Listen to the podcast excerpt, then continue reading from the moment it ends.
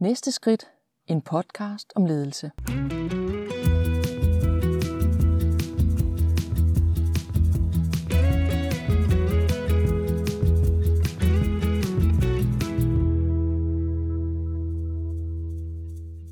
Som ledere der støder vi gang på gang på udfordringer. I forhold til medarbejdere, udvikling af virksomheden og ikke mindst udvikling af os selv. Men hvordan løser vi de udfordringer? Mit navn er Christine Karlshøj. Jeg har skabt en filosofi og en metode til udvikling og forandring. Det sidste spørgsmål i podcasten er altid, hvad er dit næste skridt? Velkommen til.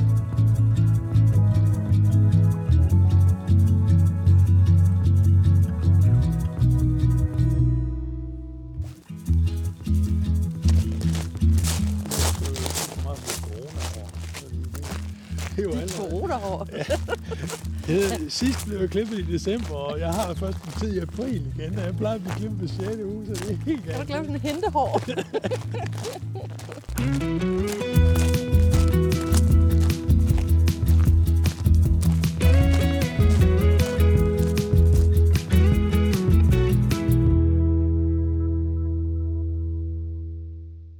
I dag er jeg på vandretur med Ole. Der som så mange andre personalledere skal finde balancen i sin hverdag, sådan mellem fokuset på mennesker og fokuset på driftopgaver. Og Ole har rigtig meget på hjertet i dag. Noget af det, som han skyder gåturen i gang med, det er det her med at have mange øh, arbejdsopgaver. Og han næsten ikke har tid til at reflektere. Det bliver faktisk sådan lidt af et tema igennem hele vores vandring i dag, det her med at reflektere. Prøv at lytte med og hør min vandrende samtale med Ole. Ole, kan du ikke præsentere dig selv? Jo, jeg hedder Ole Lauritsen. Jeg er teamleder i Aalborg Kommune i den, det team, der hedder Industrimiljø. Nej, miljø hedder det bare. Miljø. Ja, og Ja. ja. Det, det dækker over industrimiljø, jord, affald, spildevand, landbrug, rotter og varme. Sådan. Skal vi gå, øh, skal vi gå den anden vej rundt? Det kan vi godt. Ja, altså som du ved, Og for Ole, variationens for skyld. variationens skyld.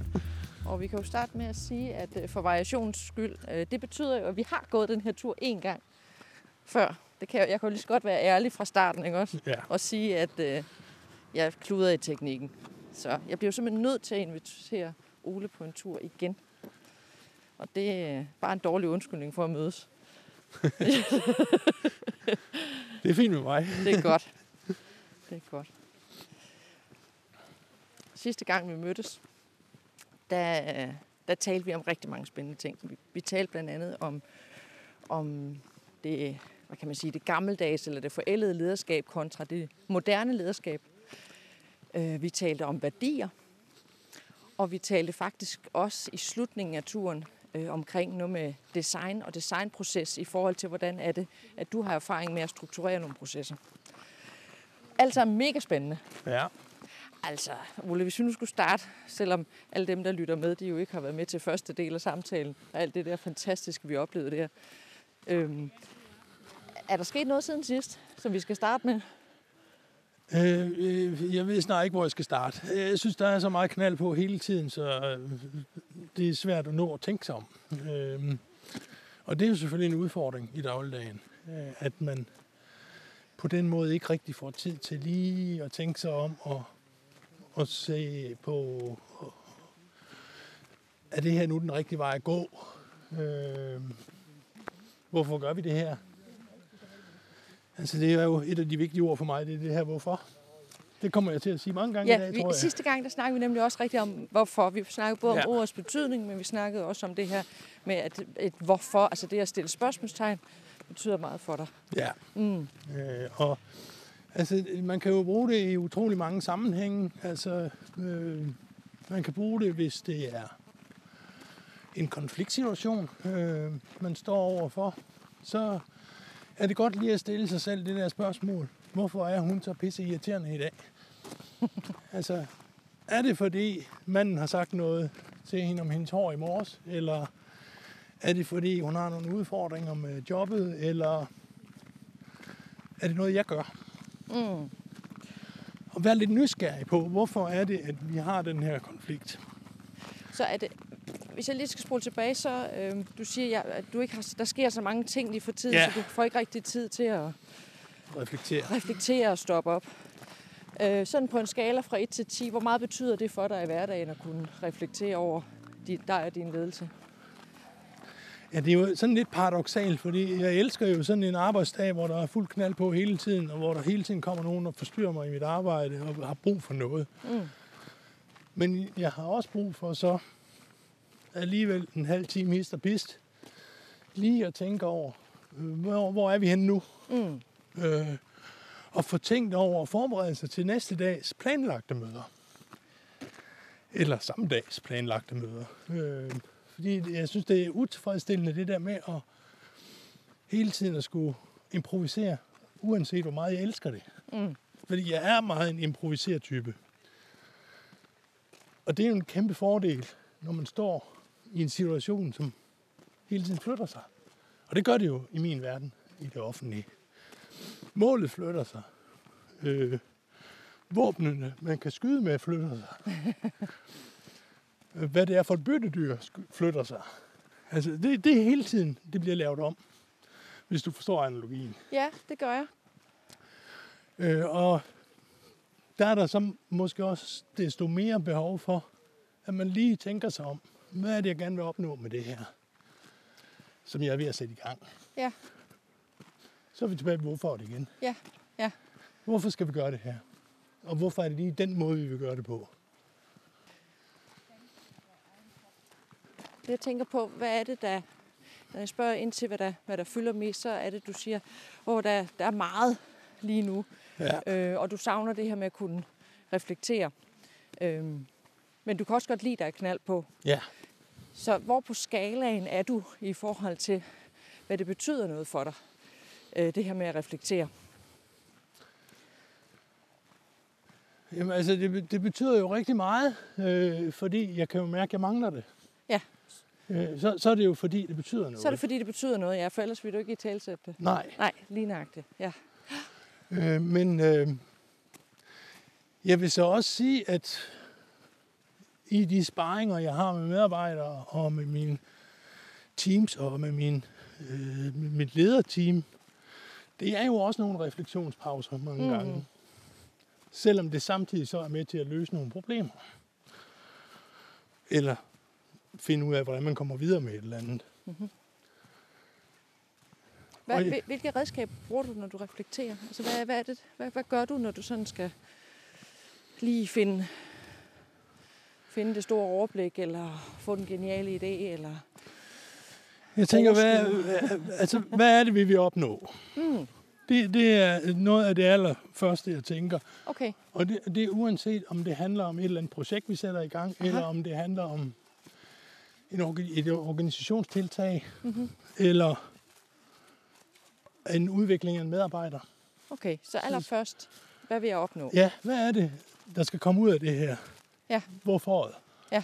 Så det næste, jeg så øh, spekulerer lidt på, det er, jamen, hvis det er det her, vi så skal opnå, at det, som vi så har sat i værk, eller som vi påtænker at sætte i værk, er det så det rigtige? Øh, fordi det er det ikke nødvendigvis, fordi man har fået en god idé. Mhm. Jeg oplever mange gange, at især ledere har en tendens til at være enormt handlekraftige, Mhm. øh, fordi det er det, de bliver målt på. Mm-hmm. Men det er ikke altid det er en fordel at være alt for hurtig Nej, med at handle. hvorfor? Fordi man så nogle gange ikke får det optimale udbytte. Altså, eller man taber nogen undervejs. Okay, så man glemmer måske step 1, altså det der med, hvad er det egentlig, jeg vil opnå? Ja, Og gå i gang med at handle, før man har tænkt sig om. ja. Er det det, du tænker? Ja, okay. Altså, det, vi ser det på IT-området, og vi ser det på alle mulige områder. Der kommer nogen og præsenterer en smart idé, så en ding müssen vi auch haben. Mm. Og så kaster Ja, vi os over gerne. det der, uden egentlig at tænke på, hvad er det for et problem, vi vil løse med det. Den ser smart ud, den er rød, den er fin, og den passer fint på mit kontor, eller hvad det nu kan være, Ja. eller i vores organisation. Ja. Jamen, digitalisering for eksempel. ja. Altså, det er jo sådan, det er jo blevet det nye mantra, Ja. at hele den offentlige sektor skal digitaliseres. Men hvad betyder det, og hvorfor? Mm. Altså, hvem er det, det skal være til gavn for? Mm-hmm. Det kan godt være, at man på den måde kan spare en masse penge, fordi vi automatiserer alt muligt. Men hvor er borgeren hen i det? Føler borgerne det som en øget service? Mm-hmm. Det er jeg ikke sikker på, at de gør. Ikke altid. Og det er interessant, fordi nu, øh, nu øh, spoler min hjerne tilbage til vores snak sidste gang, hvor vi snakkede rigtig meget om designproces. Øh, hvor du fortalte blandt andet, og det kan være, du vil genfortælle den historie, øh, hvor du fortalte om et eksempel, I havde med rotter, ja. øh, i forhold til at faktisk at inddrage borgeren for at finde den bedste løsning. Ja, og, og det kom så jo af, at vi havde en udfordring med, at vi synes ikke rigtigt, at vi kunne håndtere alle de mange henvendelser, der kom. Telefonhenvendelser med forespørgsler. På kommunen. På kommunen. På kommunen. Vi havde en sagsbehandler, og hun var fuldstændig overbebyrdet med alle de her ting. Og så havde vi nu et øh, øh, entreprenørfirma, som var ude at foretage den fysiske bekæmpelse. Hmm. Så det, vi gerne ville have en løsning på, det var, hvordan får vi frigjort noget tid. Mm-hmm. Så brugte vi en øh, designkonsulent, som øh, lavede en brugerrejse. Efter, brugerrejse? Ja, ja. Efter at have talt med nogle af de mennesker, som havde haft en rotteanmeldelse. Mm-hmm. For at finde ud af, hvad er det egentlig, I har behov for? Hvordan oplever I det, at der kommer en fra kommunen og skal bekæmpe mm-hmm. rotter? Og, og hvor, hvordan tænker I, at det kunne blive bedre? Mm-hmm. Og de tilbagemeldinger, der kom, var, at de var egentlig rigtig godt tilfredse med den måde, de blev behandlet på, og den måde, bekæmpelsen foregik på. Men de fik for lidt information. Okay. Så noget af det, de havde behov for at få at vide, når der havde været en på besøg, det var, hvad er så næste træk? Ja. Hvor er vi hen i processen? Uh-huh. Hvad kan jeg selv gøre som borger? Og hvornår sker der noget igen? Så derfor så øh, udviklede vi så nogle besøgskort. Så hver gang, at der havde været kontakt med borgerne derude fra konsulenterne, så blev der lagt en seddel ind i postkassen med, vi har været der, vi har observeret det og det. Øh, vi er, så var der sådan en afkrydsning, hvor man er henne i forløbet, og du kan kontakte den og den, hvis du har spørgsmål. Og det, det gjorde, det var, at telefonhenvendelserne raslede ned. Mm-hmm. Så det virkede fuldstændig efter hensigten. Vi fik opfyldt målet med at få reduceret antallet af telefonhenvendelser. Men oveni fik vi også nogle mere tilfredse borgere. Og selve den proces for at nå derhen, kan man sige, det, øh, der var vi inde og snakke om det her med, at det, at det kan man betegne som en designproces. Ja. Fordi man går ind og er nysgerrig på, hvad øh, hvad kan man sige, både er idéudviklet, finde ud af, hvad er det for et formål, man idéudvikler, øh, og så finder man, kan man sige, frem til ved at spørge de mennesker, som faktisk er involveret her, borgeren, øh, som har rotter, øh, hvad kunne være en god løsning for dig? Eller ja. hvad er det, du egentlig har behov for? Hvad er det, du drømmer om? Eller hvad er det, der er en udfordring for dig? Mm. Ja, og så få det prøvet af. Og få det prøvet af, ja.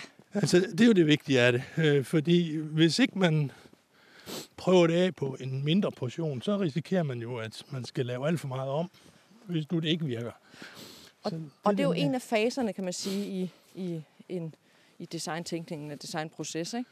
Ja. Man, man simpelthen tester af. Tester det, vi har udviklet her, virker det? Og det, det er også blevet lidt en af mine kæpheste, sådan, øh, en af de udtryk, som jeg hele tiden bruger. Fejl hurtigt at komme videre. Fejl hurtigt at komme videre? Ja. ja. Fordi det, det, det var en læring, jeg fik, da jeg blev skolet i designprocesser. Jeg kan ikke huske så meget andre teorien, men den der, den, den bed jeg mærke i. Og fejl hurtigt, det tænker jeg, du siger, fordi at, at du har erfaret, at vi kan ikke undgå at fejle. Ja. Øh, men vi kan skynde os at lære af vores fejl. Lige præcis. Så, så vi kan komme videre, ja. Mm. Og, og det er lige præcis den der læring, der er vigtig. Øh, og, det, og det gælder jo i alle mulige øh, forhold, når man er leder øh, og går ind for den lærende organisation. Det, det er jo det her med, at i stedet for at begynde at skyde på nogen over, at noget er gået galt, fordi det er jo sådan en, en bagefter vurdering. Mm. Retrospektiv kan man godt se, at det var en fejl. Mm-hmm. Men da man startede den dag med at beslutte, nu gør vi det her, der gjorde man det jo ikke med en bevidsthed om, at nu vil vi lave en fejl. Mm. Så det er altid sådan en, en efterrationalisering, når man vurderer, at det er en fejl. Derfor synes jeg, at man skal lære af det, når man konstaterer, at noget var en fejl. I stedet for at skælde nogen ud. Det har jeg aldrig haft brug for. Nej. Altså, nu, jeg kender dig som et godt menneske, og jeg tænker ikke, at du er den, du er den store skæld ud mand. Jamen, det er ikke nødvendigt. Nej. Okay. Altså, det, øh, hvis man har et godt tillidsforhold til sine medarbejdere, mm-hmm.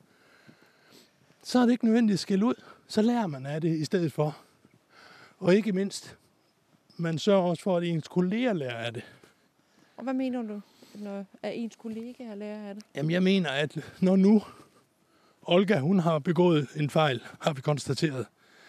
Så i stedet for, at hun går og graver sig ned og er flov over det og prøver på at holde det skjult, så sørger hun for at sige til sine kolleger, hvis I skulle komme ud for den her situation, mm-hmm. så vær opmærksom på det og det og det, for jeg kom til at gøre sådan og sådan, og det var ikke en god idé.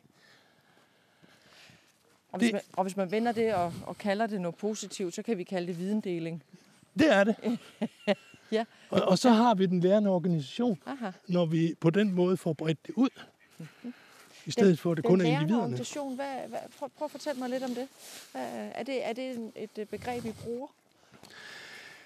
Jamen, altså, det er jo sådan lidt et teoretisk øh, lederudtryk, øh, men øh, jeg synes, at i praksis, så, så er det det, vi lever.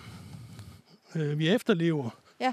Netop ved at, at fremme den der tilgang.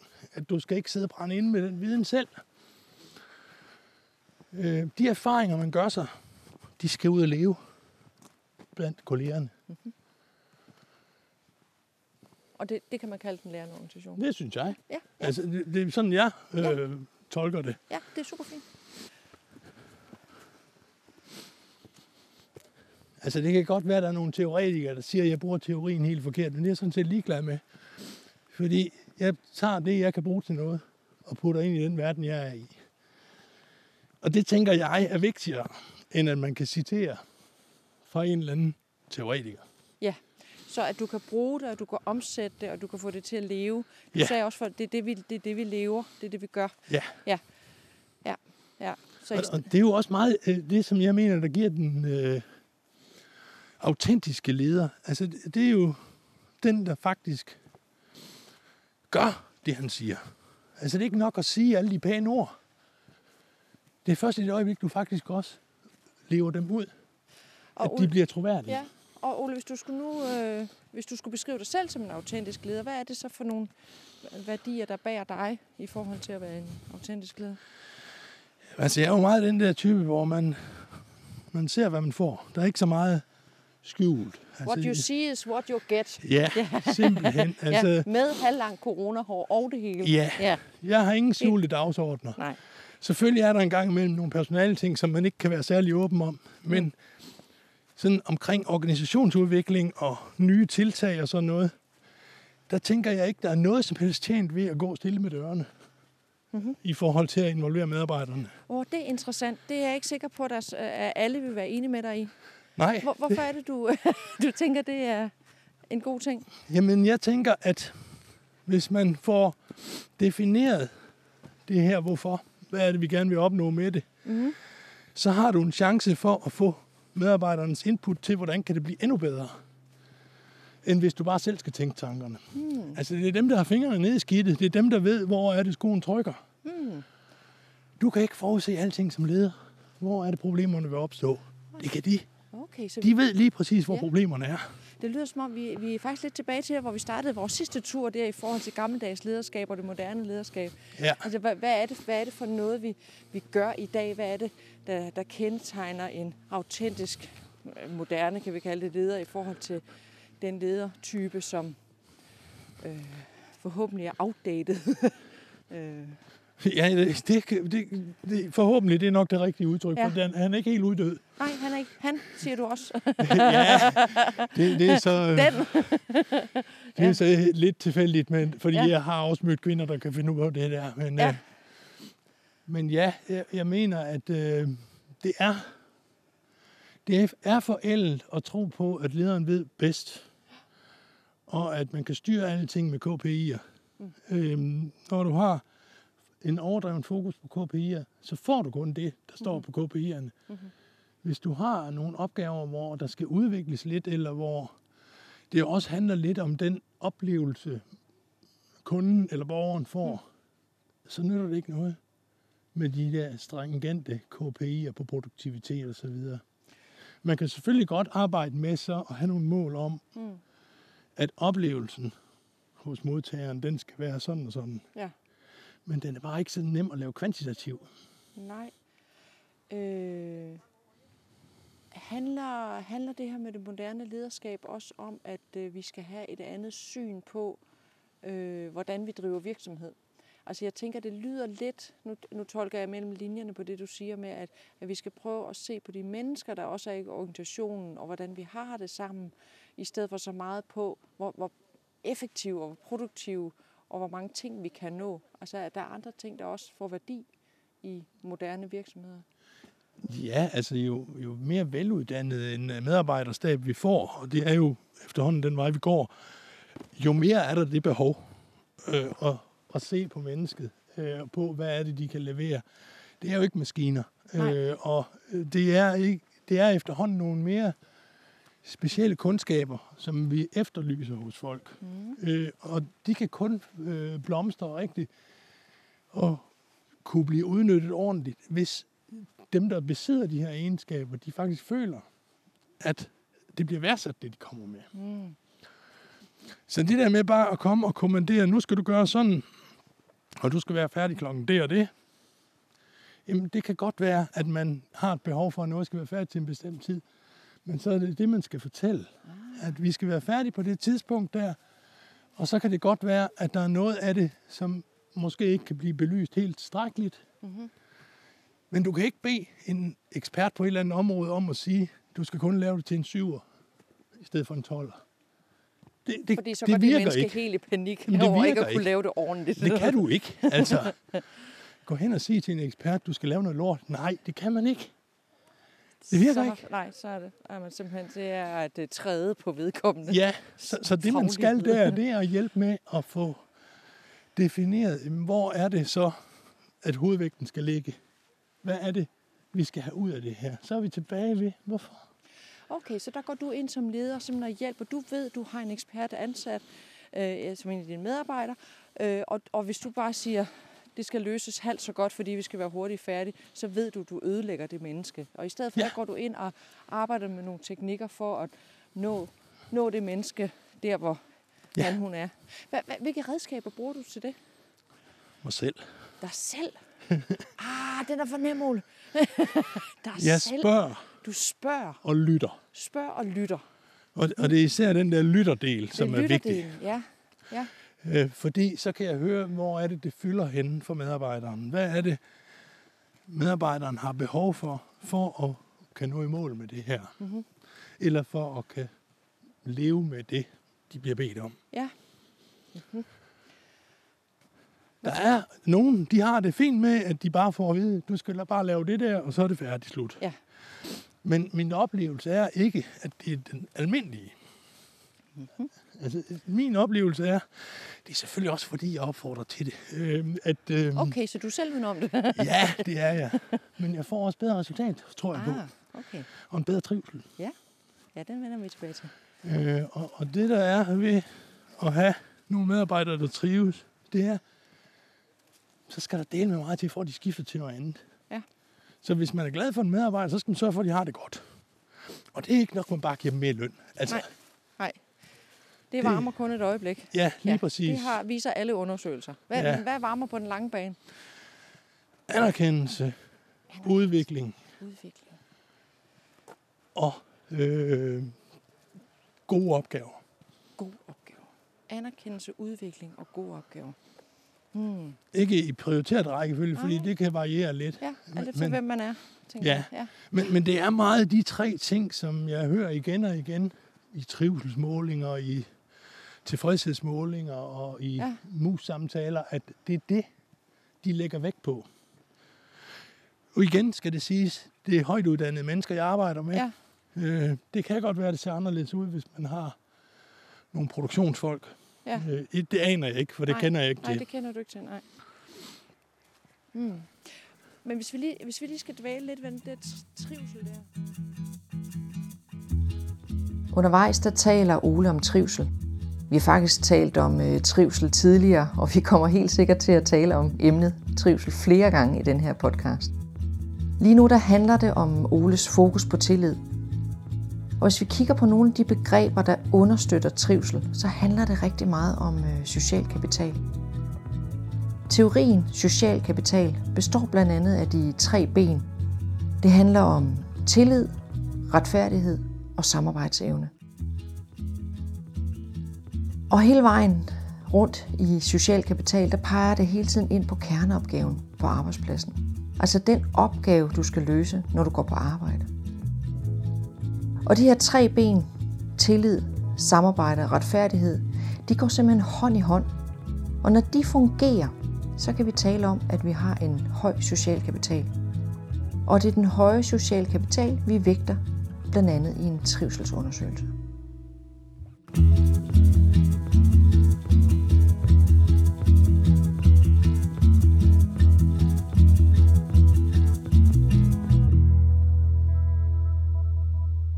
Vi har før talt om trivsel sammen. Og hvad, hvad er det, altså øh, sådan som jeg kender øh, offentlige øh, kommunerne, så, så gør man meget ud af at sørge for trivsel og laver trivselsmålinger og kigger på, hvordan medarbejderne har det. Øh, det er, det er sådan lidt tænker på med det med trivselsmål, det er, at det er sådan, øh, hvad hedder det, det, det kigger tilbage, øh, og det kan godt sådan kigge langt tilbage. Hvordan, øh, hvordan har du det med de der der? Altså, principielt er jeg sådan lidt modstander af dem. Fordi det er et øjebliksbillede, ja. øh, og hvis der går mere end 14 dage, før man får resultatet, så har alle glemt, hvad det var, de svarede på. Okay. okay. Øh, men når det er sagt, så vil jeg også sige, at det kan være et udmærket udgangspunkt for at drøfte med sine medarbejdere, hvor er det skoen trykker henne? Ja. Hvor er det, der er nogle hmm. udviklingspotentialer? Ja. Og det er sådan set ligegyldigt, om det så er gammelt eller nyt. Så det er en, et udmærket øh, værktøj til at få gang i en dialog. Ja, og det, men det kræver, at man har dialogen bagefter, ikke også? Øh, altså, altså den, den ellers er det intet værd. Nej, okay. Godt. Jamen, øh, så, så tror jeg, at vi er på bølgelængde. I forhold til, at en måling i sig selv giver ikke noget resultat, hvis man ikke tager fat i den Nej. med det samme. Ikke? Ja, for ellers så ligger den og bliver gammel og er ingenting værd. Ja, den giver et øjebliksbillede. Mm.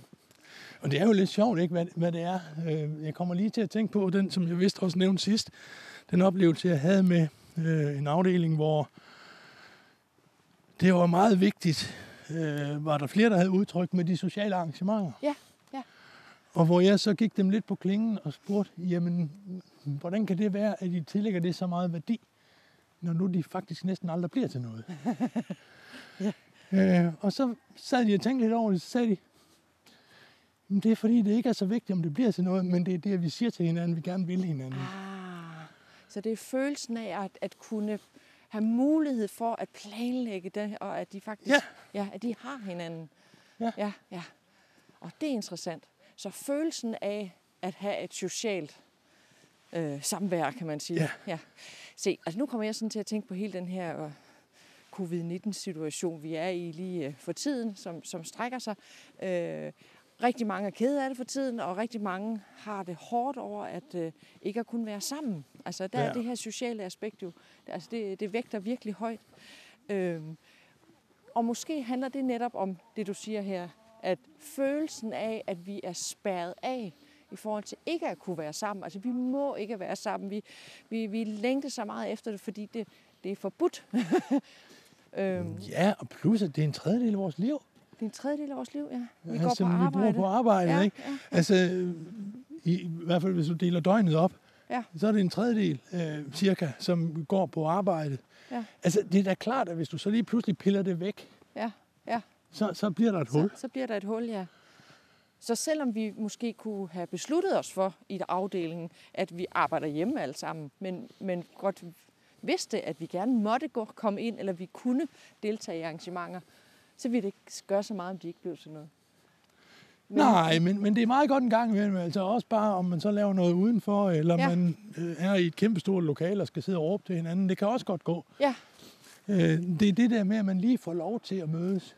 Altså, vi havde på et tidspunkt, hvor vi et team havde en, ja, man kan vel godt kalde det en konflikt, som vi skulle have løst. Og der lavede vi så et hybridmøde, øh, sådan så at vi tog gode så øh, de personer, som var lidt betænkelige ved at møde fysisk op. Ja. Så de var med på en skærm, men resten, de kom jo og mødte op fysisk. Og det var jo sjovt, fordi øh, på trods af, at det sådan var lidt en træls stemning, når det sådan lidt en konflikt, ikke? Ja, ja. så var de helt op at køre over at få lov til at være inde på kontoret. Ja, fordi nu må vi gerne. Ja, nu skal altså, vi løse det, var, det var virkelig sjovt at opleve ja, det der. Ja, ja. Det var selvfølgelig også øh, en god forudsætning for så at få løst den knude op, der var. Og, og, og hvilke redskaber bruger du der? Øh, altså man kan sige, det, for mange ledere har det jo været en enormt svær situation i den her tid, hvor vi har været helt eller halvt lukket ned. Øh, når der så opstår sammenstød eller konflikter eller samarbejdsvanskeligheder eller hvad det kan være, altså det er jo noget af det sværeste at løse i sådan en, Ja. ja. øh, en tid, som vi er i nu. Og jeg, jeg vil også sige, at risikoen for, at de kommer, den er større. Ja. Fordi den der daglige dialog, hvor man bare lige får tingene clearet af hen ved kaffemaskinen Ja. eller i kantinen, de er der ikke. Øh, og alle de der små tvivlsspørgsmål, jamen, så sender man lige en mail. Øh, nej, lad være. Mails, det er absolut sidste mulighed. Altså, Der bliver sendt rigtig er- mange mails lige Ja. Ja, det gør og, og, og, og de bliver misforstået halvdelen ja. af dem, det er min påstand. Altså, der bliver alt for nemt lagt for meget i noget skreven. Ja. Hvorimod, at hvis man står over for hinanden, så kan man se i ansigtet, er det her en joke, eller mm. er det ikke? Øhm, Så, så den teknik, du faktisk brugte for at løse konflikten, det var, jeg kalder jer sammen med afstand, Ja. i stedet for at vi skal sidde og maile ja. sammen frem og Ja. tilbage. Ja, ja. Og så gik jeg simpelthen ind i at være undersøgende Ja. på, hvad er det, der sker? Okay. Og vi arbejdede noget med, hvad er det for nogle regler, der gælder? Mhm. Og det er jo sådan set forholdsvis enkelt. Det kan man jo bare slå op. Men det, der var mest interessant for mig, det var så, og hvad så er alle de uskrevne regler? Ja, men selvom de er skrevet op, så er det jo ikke sikkert, at vi har Nej, nej. samme idé Nej, nej. om, hvad, Og det, hvad det de viser betyder. også, det viser ja, okay, også, da vi godt, kom ja. til at snakke ja, om det. Ja, fint. Men det, der i virkeligheden viste sig, var, at der var utrolig mange uskrevne regler, Uskrevne regler. som de alle sammen troede, at de andre kendte. Men nogle af de uskrevne regler var der faktisk kun to, der havde aftalt. Aha. Og nogle af dem, de var sådan set aldrig rigtig blevet en regel. Så, så det der med at få dem op på et, en flip over, så de kunne se, hov, det vidste jeg da ikke. Så du tegnede det på, eller Jeg skrev det, dem simpelthen skrev op. op. Ja. Og så var der på et tidspunkt en af medarbejderne, som siger, hold da op, jeg vidste ikke, vi havde så mange regler. Fordi de havde jo oplevelsen af, at det var enormt frit og meget individuelt, hvad man kunne og alt det der. Men der var så nogle forventninger til hinanden alligevel, som ikke var skrevet ned. Ja. Og det at få dem op i lyset, det løsnede. Fordi så lige pludselig så blev det tydeligt. Hmm. Hvad er det, der sker, når nu den ene ikke gør det, som jeg forventer? Jamen, så er det jo måske, fordi vedkommende ikke ved, at jeg forventer det. Så det, at du går ind som leder og tager ansvar for, for den situation, for det første at kalder sammen, men også får det skrevet op, altså får det visualiseret på en tavle, bare ved ord, Ja. sådan så man faktisk kan se, som du siger, en af dem, der udbryder, hej, der er mange regler. Og det kan man jo først se, når de står der. Ja. Ikke? Ja, ja. Hmm. Hvad, hvad gjorde du så? Ja, og så, øhm, så aftalte vi så, eller jeg spurgte, hvad skal vi så gøre ved det? Hvordan kan vi sikre, at der faktisk er kendskab til de her uskrevne regler? Eller skal vi slå nogle af dem ihjel? Bup, bup. Og det var der så en, en dialog om, og så endte vi så i tre eller fire øh, beslutningspunkter. Øh. Ja. Og dem skal jeg så følge op på på øh, teammøderne. Så du skal følge op på, at, at, de, At der er udvikling på at dem. der er udvikling på dem. Ja. Hvad, hvad skulle de følge op på? Jamen, de skulle begynde at gøre det. Når de skulle begynde at gøre det. Så du skal følge op på, om de begynder at gøre det? Ja. Ja, okay. Og det er jo Må jeg spørge, hvordan det går? Det går rigtig godt. altså, det, jeg var ikke engang nået op på min plads, før de havde implementeret nogle af tingene. Altså, det, det er... Når først øh, man i, i sådan en gruppe, i, i et team, har besluttet, at det er det her, vi kører efter, Ja. og man ellers er rimelig velfungerende som team, så går det jo stærkt. Okay. Gjorde det noget, at du sagde, at det følger jeg op på? Hvad, Ja. hvad gjorde det ved dem? Jamen det gør, at så føler de sig trygge ja. ved, at, at det ikke bare dør. Øh, fordi altså, det er jo lidt det, der godt kan ske, når man sætter nogle nye ting i gang, at ah, det har vi prøvet sidste år, der virkede det heller ikke. Øh, Ja, eller siger, det klarer I, og så løber man ud af døren. ja, det, begge dele sker jo. ja. Men hvis der er sådan lidt hånd i hanke med det øh, fra lederen, så er der også en, en legalisering af, at der bliver brugt tid på det. Mm.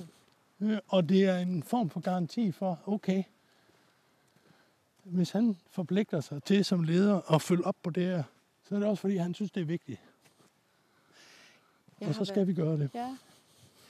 Jeg har øh, i mange år været meget optaget af motivation og motivationsteori. Øhm, og jeg tænker, at øh, hver gang vi står i sådan en situation der, hvor, hvor der er noget, der knager, så, så henter vi noget af vores indre motivation. Altså, hvad er det, der får os til at sige, yes, det der, det gør vi sgu. Eller nu øh, lever vi efter de der tre nye regler, vi har fået. Eller, og implementere med det samme Ja. den mekanisme, der går i gang i mennesker. Altså, hvad er, hvad er det for en gnist, der bliver tændt, så, som du siger, at de gik jo i gang med det samme? Før var det en konflikt, nu er det pludselig noget, ej, skal vi ikke gøre det her sammen? ja.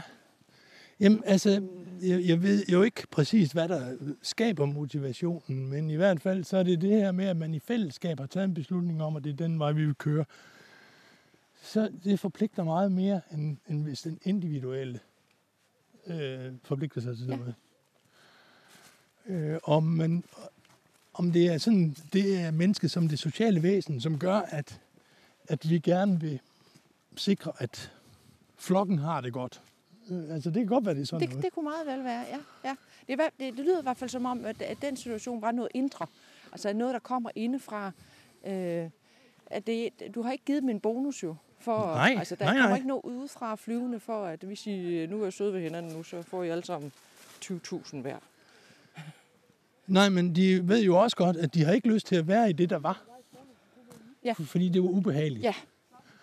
Øh, Så hvis øh, de på den måde har skabt en tro på for hinanden, at det her, det flytter faktisk noget i retning af, at vi får det bedre alle sammen. Jamen, det, det er måske der, motivationen så kommer. Ja, ja. Ja, jeg tænker også, der kan også ligge en motivation i det der med at øh, komme hen imod noget nyt, eller væk fra noget, der ikke fungerer. Ikke? Altså man vil gerne væk fra Ja, noget. Vi vil ikke være sammen med det der ulmende ubehag. Det vil vi gerne væk fra. Så nogle gange så længes man mod en gulerod, og andre gange så flygter man fra ulven. Ikke? men jeg er også meget tilhænger af det der med at søge hen imod, i stedet for at søge væk fra. Fordi Mm. øh, det der med at blive ved med at have fokus på, hvor skidt det var før, jamen, altså det er fint nok. Nu har vi konstateret, at det var skidt. Men det kan vi ikke blive ved med at dvæle ved. Fordi, hvad skal det tjene? Men hvis vi derimod siger, hvor vil vi gerne hen, Okay. Og man så kan få skabt den der fælles opfattelse af, at det her det er det mål, vi kører efter, så er det også nemmere at finde de der midler til, hvordan kommer vi så derhen. Mm. Og øh, at de faktisk kan tro imod det, lever det. Ja, og de lever det, ja. Man kan sige, at vi er faktisk tilbage ved designprocessen igen. Øhm, vil, jeg, vil, jeg, vil jeg påstå. Øh, I forhold til det her med at, øh, at lave forskellige prototyper for at komme hen til det mål, man gerne vil. Altså få skabt det produkt, eller den ydelse, eller den tilstand, som, øh, som er ønskværdig. Øhm, Det kan du godt sige. og så bruger du forskellige sprint derhenad øhm, som leder. Øhm, jeg, jeg tænker, at øh, nu er det jo bare en, en, en situation i forhold til en hverdag ikke? Øhm, med den her konflikt. Men den er jo ikke løst bare ved et møde. At Der er jo mange step derud. Ja, ja, det er der. Ja. Så er der noget, der skal overvejes. Så er der nogen, der skal gå og snakke lidt sammen. Og så er der noget, du skal gøre. Så er der noget, de skal gøre. Så skal de ud og spørge nogen. Så skriver I lidt på tavlen. Så implementerer I noget. Så finder I ud af, at det virker ikke. Så må vi gøre noget andet. Jamen, det, det, er nemlig, det er nemlig vigtigt, det der med, når man så laver den der evaluering på, hvordan går det. Og hvis så er der noget, der overhovedet ikke er kommet i gang, så er det jo vigtigt, at man tager stilling til, "Men hvorfor er det ikke det? Ja. Hvorfor igen? Ja, Øh, hvorfor? jamen, det er fordi, det betyder sgu ikke noget for os. Det giver ikke mening. "Jamen, Så lad os holde en begravelse. Ja. Så, så, smider vi det væk. Ja, Og så ja. bruger vi kræfterne på det andet. Ja, ja. Jeg har også god erfaring med at brænde ting af. Ja, det, ja, det kunne jeg godt forestille mig. Skriv det ned på et stykke papir, krøl det sammen, brænd af. Men på mange arbejdspladser bliver der holdt alt for få begravelser. Ja. Så der ligger en hel masse ting og ulmer under overfladen, og ingen ved rigtigt, mm. hvor det er henne. Nej, altså lad os nu få taget stilling til det her. Det kommer ingen vejen. Så lad det dø. Ja. Fordi det ligger bare og fylder ellers, og så kommer der jo hurtigt den der følelse af, at ah, ledelsen de sætter også så mange ting i gang, men der er ikke noget af det, der bliver færdigt. Mm, det kan godt være, det er rigtigt. Men det er jo et lidt mere nuanceret billede som Ja, regel. ja. Øh, og hvis man så på den måde kan sige, jamen nu får vi den ud af folks bevidsthed, så er der sikkert nogen, der er uenige i det og synes, at det er en helt forkert beslutning. Ja, sådan er det. Vi kan aldrig være 100% enige. Det er jo ikke Sverige det her, hvor vi skal have konsensus om alting. Nej, det er. Øh, og vi kan jo så fortælle nu, at vi går rundt om Langesø, som er en meget, meget smuk sø, øh, lidt uden for Odense på Fyn. Og at sidste gang vi gik her, hvor al teknikken jo ikke virkede, det var fordi det var... Nej, det var ikke derfor, men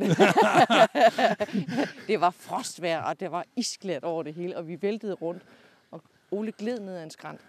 Det gør vi ikke i dag. Det er et solskin, det dejligste solskin, og fuglene piper. Arbejdstilsynet ville ikke have godkendt den sidste tur. Nej, så vi siger det ikke til nogen. siger det ikke til nogen. det er nemlig rigtigt. I dag der er det alt, som det skal være. Smukkeste skov. Snart forår. Mm. Ole, hvad er, hvad er vigtigt for dig i dit lederskab? Sidste gang snakkede vi lidt om værdier, kan jeg huske faktisk lige nøjagtigt, da vi gik lige her omkring. Øh, Det er øh, et af de allervigtigste ord for mig, det er tillid. Øhm, at, og den går begge veje. mm, Altså at medarbejderne, de skal kunne stole på mig som leder, øh, og dermed ture og fortælle mig nogle ting, som måske ikke virker så godt. Fordi det er kun, hvis jeg ved det, at jeg faktisk har mulighed for at gøre noget ved det. Ja. Og det er ikke alting, jeg selv får øje på. Det må jeg nok erkende. Øh, Det er jo en af de ting, som jeg også synes er vigtigt som leder, det er at kende sin egen begrænsning. okay. Fordi øh, der er mange, der har sådan en tendens til, at man ikke må fejle som leder. Jamen, det, så kommer du virkelig til det, hvis du har den tilgang. Hvis du erkender, at der er nogle ting, hvor du ikke er stærk, så kan du søge hjælp til det. Mm. Og det, jeg oplever hos medarbejderne, det er, at der er meget større respekt for, at man indrømmer, det her det er jeg sgu ikke god til. I må hjælpe mig. Så får man opbakningen, i stedet for, at man så prøver på at hudle noget igennem, som man faktisk ikke rigtig dur til. Mm. Øhm, Så have tillid til, at den leder, man har, altså, øh, har erkendt, hvad man er god til og ikke god til, eller hvilke fejl og mangler man har. ja, det er den ene side af det. Mm. Men det er jo i lige så høj grad det, at jeg har tillid til, at medarbejderne, de faktisk er fagligt meget stærkere end mig. Ja, Så når de kommer og siger, jeg tror, at det vil være godt at overveje det og det og det i den her situation, så fejrer jeg det ikke bare af. Så, så er jeg nysgerrig på, hvorfor ikke? mm. Hvorfor? Igen? Ja. Øh, jamen, på grund af det og det og det. Og så kan jeg godt se, okay, hvad skal vi så gøre ved det? Hvordan kan vi undgå, at det bliver et problem? Og på den måde, så hjælper vi hinanden igennem at få en måske umulig opgave til faktisk at kunne lykkes. Jeg har også tillid til, at de godt selv kan vurdere, hvor går grænsen for, hvad man kan tillade sig at sige til en samarbejdspartner eller en borger, eller hvad det er. Det, det skal jeg ikke involveres i alting. nej. Jeg skal heller ikke være flaskehals, som skal læse alting igen, inden det bliver sendt ud. Det går bare slet ikke. Nej, så på den måde, så kan du vise, at du har tillid til, Ja. ja. at det har dine medarbejdere styr på. Og så kommer der nogle skæver der ind imellem. Men så er vi tilbage ved det her med, at okay, det her, det gik så ikke så godt. Hvordan kan vi gøre det mindre risikofuldt næste gang? Mindre, risiko, mindre risikofyldt. Ja. Så ikke, at det skal være klappeklart, og det skal være en succes, men mindre risikofyldt. Ja, afhængig, sådan- er afhængig af, hvad det handler om, Er det vil sådan jeg et sige. teknikudtryk? I arbejder meget med risiko. Altså, det, det er måske min fortid som øh, projektleder. Jeg skulle til at sige, jeg synes, der er et begreb, der er kommet ind i. Øh, der, der var det jo meget med at vurdere på risiko. Ja. Øh, og, og det kan man også i rigtig mange sammenhænge. Øh, Altså, der, der er jo nogen, der siger, at alt, hvad der kan gå galt, det vil gå galt. Øh, det er jeg ikke sikker på, hvis man har tænkt tanken inden. Mm-hmm. Men hvis du ikke har tænkt tanken, og bare stormer dig ud af, så er der risiko for det. Ja. Men du minimerer risikoen for, at tingene kører helt skævt, ved at have tænkt på, hvad der kunne gå skævt. Så jeg lavet sådan nogle forovervejelser. Noget research, eller noget opsøgende, eller noget nysgerrighed på, hvad der kan komme ligge forud. Ja. Ja. Hvad er festbremsen her? Ja. Altså, hvis man er ude i, at vi både skal have hedebølge og skybrud og snestorm på én gang, så er det nok ikke særlig sandsynligt. Så, så kan vi nok godt tage en risiko. Ja. Men hvis vi kan se, at hvis det falder 10 mm regn på en halv time, så, så dør det her projekt. Mm. Så er det altså nok noget, vi skal tage højde for. Ja. Fordi det er jo ikke en usandsynlighed. Nej.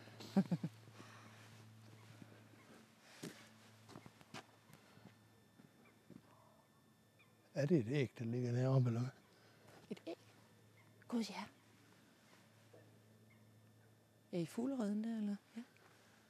Ah, det kan næsten ikke passe. Nej, men det er da så vidt. Det kan da... Jeg vil godt nok ikke lige mine briller på. Men hvad skulle det ellers være? En golfbold? En golf... Jamen, det er selvfølgelig rigtigt. Der er, jo, der er en golfbane i nærheden. Ligger der en golfbold? Jamen, der, jeg så der et flag derovre. Men der må alligevel have været en fugl, der har båret den op ja, det er så rigtigt. Kunne den ikke have opdaget, at der var en golfbold og ikke en... Et... Ej, jeg tror, det er det ikke. Det ligger meget yderligt. ja. Det kunne de godt lige til at passe lidt bedre på.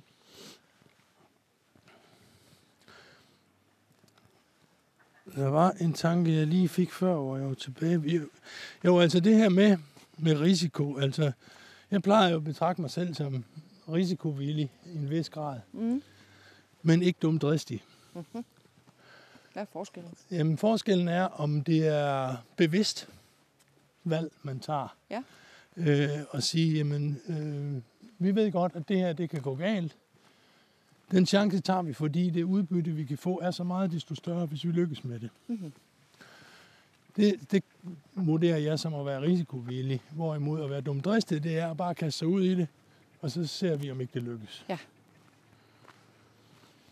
Og så, nu ved jeg, hvordan, hvad det var, jeg ville tilbage til. Det er jo det der med at være reflekterende Ja, ja. øh, over, og hvordan skal vi ind i det her? Hvorfor skal vi ind i det? Hvad er det, vi vil opnå? I stedet for bare at kaste sig ud i det. Ja. Det hænger jo også lidt sammen med alt det her med risiko.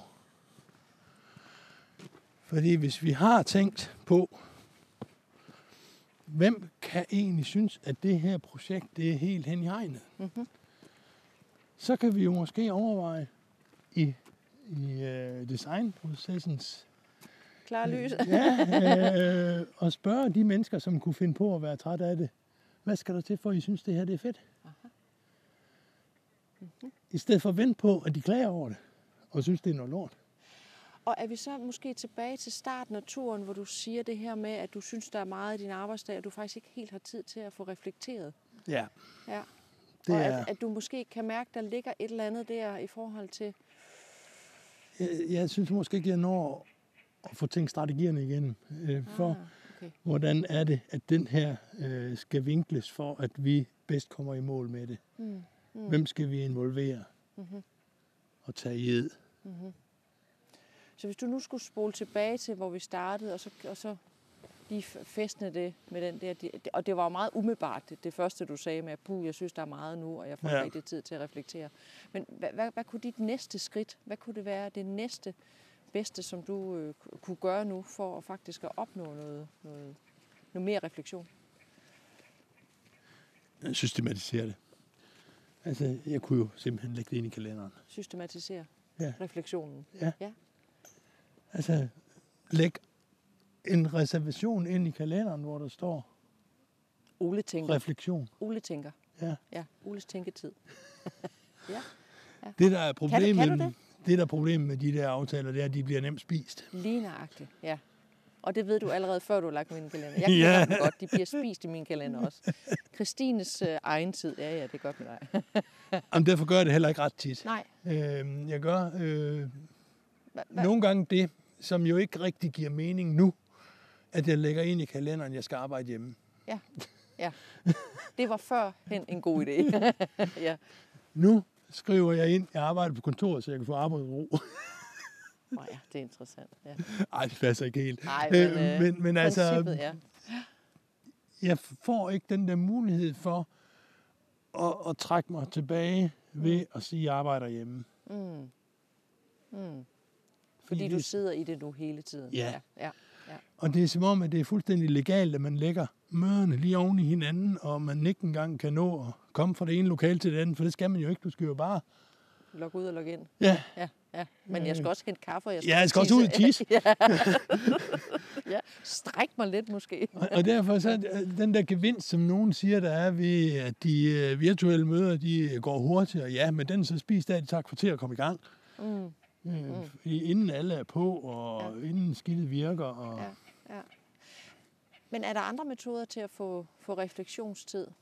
Er der nogle metoder, der har virket for dig på, nogle andre ting, du skulle opnå, som du måske kunne bruge på at få refleks, mere refleksionstid? Altså, det, der nok virkede allerbedst, det var dengang, jeg blev så stresset, at jeg var nødt til det. Altså, at det blev tvunget ud i det. Ja, så der er simpelthen, at det skal være skidt, før det bliver godt, eller? Ja, det var, det var der, hvor det virkelig virkede. Ja. Altså, nu er jeg så i den position, at jeg kan kende tegnene, når de kommer. Ja. Altså, jeg kan mærke på kroppen, Ja. at nu, nu er det ved at blive for meget. Ja. Og så trækker jeg simpelthen stikket. Ja. Jeg siger til min chef, nu er jeg gået for i dag. Ja. Jeg er ikke kontaktbar før på tirsdag. Ja. Øh, Jeg skal lige... og, og så er det, som regel, så skal jeg bare holde fri den dag, resten af dagen. Ja.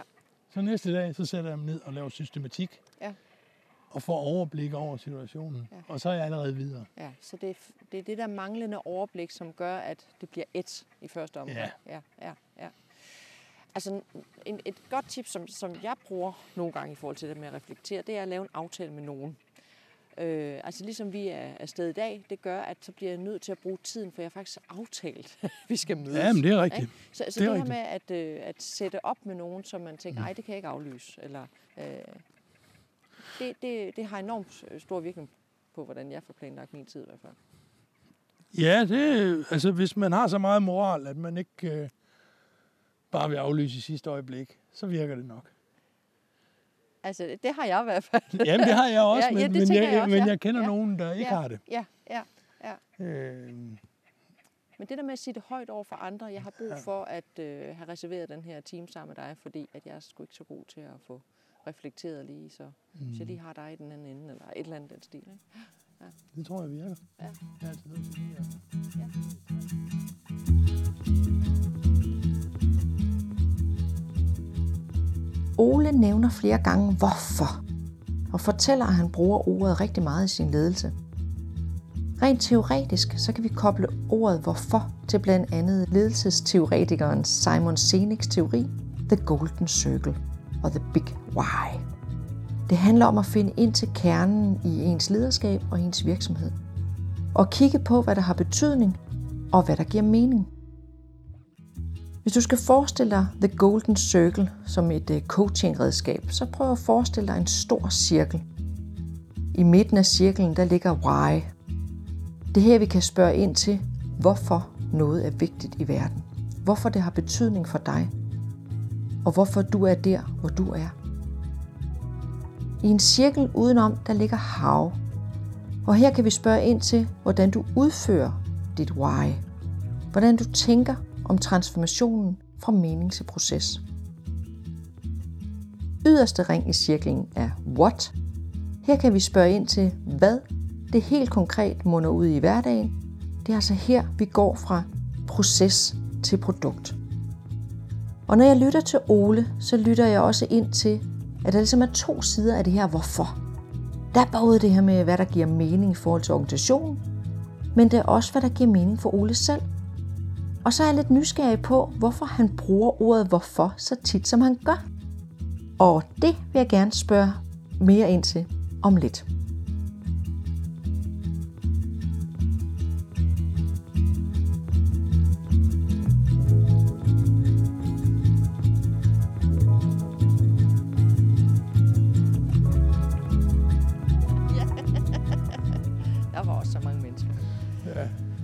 Ole, jeg kunne godt tænke mig at spørge dig ind lige øh, kort ind til dit brug af hvorfor. Øh, du har nævnt flere gange, at du er vild med ordet hvorfor. Hvad, hvad er det ved det, det at stille spørgsmål, eller det at bruge hvorfor? Hvad er det, der, der virker for dig? Jamen, det er jo nok den der undersøgende tilgang, øh, som gør tingene lidt mere nuancerede. Fordi det er ikke altid tingene er, som de lige ser ud på overfladen. Det er faktisk ret sjældent. Mm-hmm. Øhm, og hvis man er lidt nysgerrig på, øh, hvorfor tingene de ser ud, som de gør, så for, finder man nogle gange frem til, at der er faktisk noget her, som ikke er klart for den, der står på den anden side. Mm-hmm. Øhm, det kan være noget med øh, nye tiltag, eller det kan være, hvorfor vi skal håndhæve noget over for en borger. Øh, du må ikke smide gylde ud på frossen jord. Hvorfor må du ikke det? Jamen, det er jo fordi, det løber bare lige af og ned i åen. Altså, øh, men hvis man så som landmand tænker, at jeg skal bare af med det her gylde, og har et problem med det, mm. jamen, så skal vi måske snakke om, hvordan kan vi så løse det? Altså. Så hvad er det, der egentlig er det reelle problem? Altså, hvad, ja. er, hvad er det, der opstår? Hvorfor ja. er det, at du putter gylde på jorden? ja. ja. Eller hvorfor er det, at øh, du brokker dig så meget over for dine kolleger? Øh, hvad er det reelt, du er utilfreds med? Øh, hvorfor er det, at vi skal lave den her organisationsændring? Mm-hmm. Er det bare fordi, det er smart? Eller fordi der har været en eller anden konsulent forbi? Eller er det fordi, vi faktisk har en forventning om at få noget ud af det? Så det at stille spørgsmålstegn ind til kernen eller ind til baggrunden, være nysgerrig på, hvad der ligger bag, det er det, du bruger ja. hvorfor til. Ja. Hmm. Og jeg er blevet mere og mere bevidst om, hvor tit jeg egentlig siger det. Aha. Hvor tit jeg bruger det. Ja. Jeg prøver så at variere det i forskellige former. Men, øh, så du ikke bare siger hvorfor hele tiden. ja. Fordi det kan også godt komme til at virke sådan lidt øh, skeptisk. Ja. Øh, altså, øh, og, og det er jo sådan ikke... lidt hårdt, tænker jeg også. Ja, ja, ja. ja, ja. Så altså... Der er også lidt spørgehjørne over det, ikke? Jo, jo, jo. Ja. Altså, man kan jo godt sige, en omskrivning af det, det er, at når nu er vi sætter det her i gang, hvad er det så, vi gerne vil opnå? Ja. Altså, det er jo også lidt hvorfor. Ja, ja, ja. Men det lyder måske ikke helt så skeptisk og hårdt. Nej, nej. Lidt mere inddragende. Ja. Ja. Mm. Hvad drømmer du om, der skal ske i fremtiden med dig og dit lederskab? Jamen, jeg håber jo på, at jeg kan blive ved med faktisk at tilføre værdi for nogle medarbejdere. Øhm, fordi det, som jeg trives med, det er at se andre shine. Mm-hmm. Jeg har ikke behov for at stå der og modtage al rosen. Jeg har behov for at se, at der er nogle medarbejdere, der lykkes med det, de bliver sat til. Og de får de positive tilkendegivelser over, hvor ting, godt tingene er gået. Og så kan jeg jo spørge, hvorfor? Hvad er det, der, der optager dig? Jamen altså, det er jo ikke mig som leder, der, der tegner en afdeling eller øh, en team. Det er jo medarbejderne. Mm-hmm. Så synes jeg jo, at det er der, man skal gelejde rosen hen, fordi det er dem, der laver de gode løsninger for borgerne eller for virksomhederne. Det er jo ikke mig. Hvorfor skal jeg så have rosen? Hvordan, øh, hvordan har du planer om at anerkende dine medarbejdere for, for deres gode arbejde i fremtiden? Det, jeg praktiserer meget, det er jo at, at lave nogle fejringer. Fejringer, vi elsker fejringer. Der er nok nogen, der vil synes, at jeg skulle lave flere. øh, men øh, jeg kan altså ikke gå rundt hver dag og sige, hu, hvor er I gode alle sammen. Øh, men altså, at man lige en gang imellem sørger for at få fremhævet, at det her, det var simpelthen et eksempel på noget, der gik skide godt. Mm. Øh, det er ikke kun med til at løfte den enkelte, det er også med til at løfte gruppen. Ja, ja. Øhm, plus, at det kan så også, øh, så kan det lige pludselig blive attraktivt. Hvad var det, du gjorde? Ja, som okay. gjorde, at det blev så fedt. Hvorfor virkede det? Så fejringen af en succes, eller noget, der virkede godt, eller en, der gjorde noget godt, kan være med til at sprede energien, eller give motivation til at gøre mere. Ja, det kan medvirke til at være den lærende organisation. Og det kan det også, ja. Så hænger tingene sammen igen, ja. Ja. Mhm. Men altså, det er jo også med til, at medarbejderne får den her følelse af, ja, det nytter sgu noget, det vi laver. Altså, det har en mening, at vi knokler røven ud af bukserne på det her, fordi det bliver faktisk værdsat. Hvordan kunne du øh, være mere anerkendende over for dig selv i dit lederskab i fremtiden?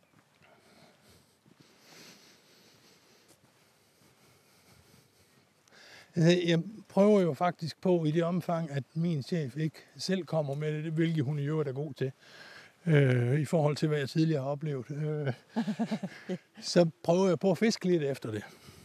Ja. Den der anerkendelse Ja. fra andre. Aha. Fordi jeg kommer konstant i tvivl om, om det, jeg nu gør, er det nu også det rigtige. Ja. Jeg tror så, at i stedet for at betragte det som øh, en eller anden frygt for- for at være utilstrækkelig, så tror jeg mere, at det er et ønske om hele tiden at blive bedre, Ja. Ja. øh, som egentlig afspejler sig i det. Mm. Så din anerkendelse af dig selv handler om, at du egentlig gerne vil løfte dig og blive bedre og Ja, yde noget mere og ja, være mere tryg i de situationer. være tryg i, at du gør det godt, Ja. som du gør. Ja. Ja. Og altså, det, jeg er jo selvfølgelig vokset op i Vestjylland, og det derude, der, Går det nok jo? Jamen, der, der er man ikke så øh, øssel med, med ros og anerkendelse. Altså, det, det kunne være værd. Altså, det er, jo, det er jo det, jeg er vokset op med. Ikke at min familie som sådan er derfra, men det er alligevel det, jeg har oplevet hele min skoletid. Mm. Så den store ros er du ikke vant til at få, eller opvokse med? Jeg er ikke opvokset med det. Jeg, jeg synes faktisk, det er begyndt at komme her i de senere år. Ja, Øhm, om det så er, fordi jeg er blevet endelig så dygtig, at jeg fortjener det, Oh. eller om det er, fordi de chefer, jeg har, de faktisk er blevet bedre til at tilkendegive det, det ved jeg ikke. Man må gerne rose sig selv, at det må man simpelthen gerne, og anerkende Ja. ja. det, man gør. Det er godt. Klap sig selv lidt på skulderen. Men altså, jeg opsøger så også forskellige forer, hvor jeg kan dele ud af min øh, af mine observationer og mine evner og så videre. Altså, jeg er jo mentor. Øh, Ja. og, og det, som jeg får ud af det, er, det er jo den refleksionspause, som jeg faktisk får givet mig selv. Fordi okay. i det øjeblik, jeg stiller et spørgsmål til min mentee, så tænker jeg helt automatisk på, hvad vil jeg selv svare her. Ja. Så på den måde er det også en refleksion samtidig med, at jeg hjælper en, en anden til at komme videre med sin problematik. Og du kan godt holde dig på din egen banehalvdel i forhold til ikke at give gode råd, men stille Nej, det spørgsmål. kan jeg ikke. Godt. Så. Det er det, der er det fede ved at være mentor, i stedet for at være coach. Ja, Det er, at man godt må give gode råd. man må gerne give gode råd. Ej, det må man altså også en lille smule som coach. altså, man skal bare sige, nu kommer jeg med et godt råd. Ja, men, men altså, det er også tit, når jeg er mentor, at jeg sådan prøver med den coachende tilgang, og så på et tidspunkt, så bliver jeg nødt til at sige, det jeg prøver på at få dig til at sige, det er... okay. Øh, så jeg mister tolvmodigheden på Ja, et tidspunkt. kunne du lægge en anden strategi? Jamen, det virker sgu meget godt. Altså, og de har været meget tilfredse. Altså, De tør ikke sige andet, Ole. de kunne bare stoppe. Ja, det er rigtigt. Altså, det de. koster ingenting. Nej. Altså, det. Så det, nej, det tager jeg en stille og roligt.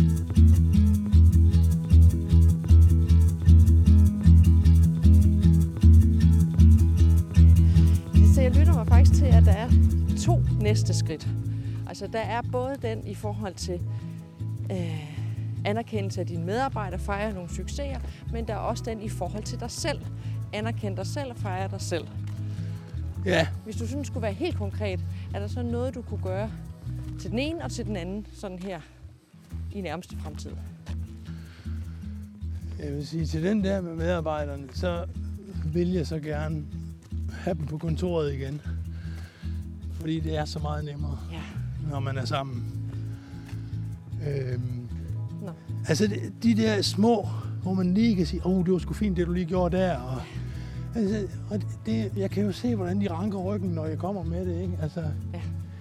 øhm, men det bliver så omstændigt, når man skal til at ringe og sige det, eller skal til at skrive det i en mail. Altså, jeg kvitterer altid på de mails, jeg får fra medarbejderne. Og hvis de har lavet noget rigtig godt, så kommenterer jeg det også.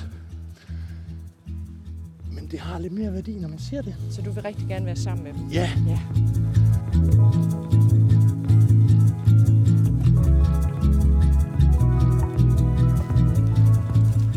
Næste skridt. Helt konkrete næste skridt for større anerkendelse af dig selv.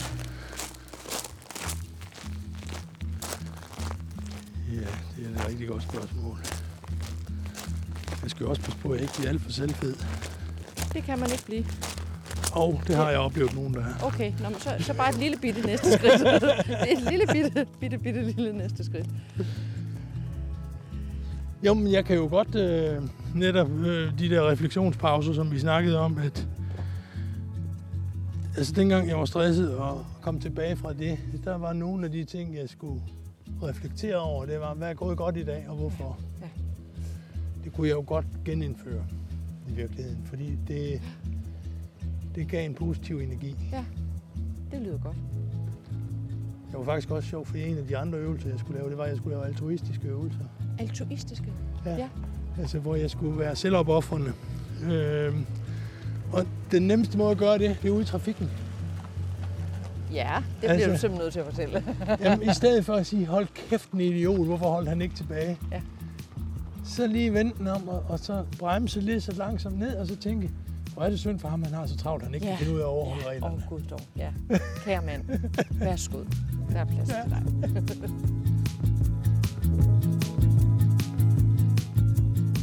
Vi har taget dagens sidste skridt i dette afsnit af podcasten Næste skridt, en podcast om ledelse. Tusind tak for at lytte og gå med. Du kan lære meget mere om ledelse, forandring og coaching ved at tjekke ind på min hjemmeside karltøj.co. Du kan også overveje at læse min bog, Ser du mennesket? Eller hoppe med på en af mine online-kurser. Har du fået øjnene op for et emne, du gerne vil coaches på, så kan du overveje, om du vil have din helt egen vandrecoaching. Din podcast, inde Christine Karlshøj, siger farvel for nu. Vi lyttes ved, når jeg tager næste skridt sammen med en ny modig leder. Ha' det godt så længe.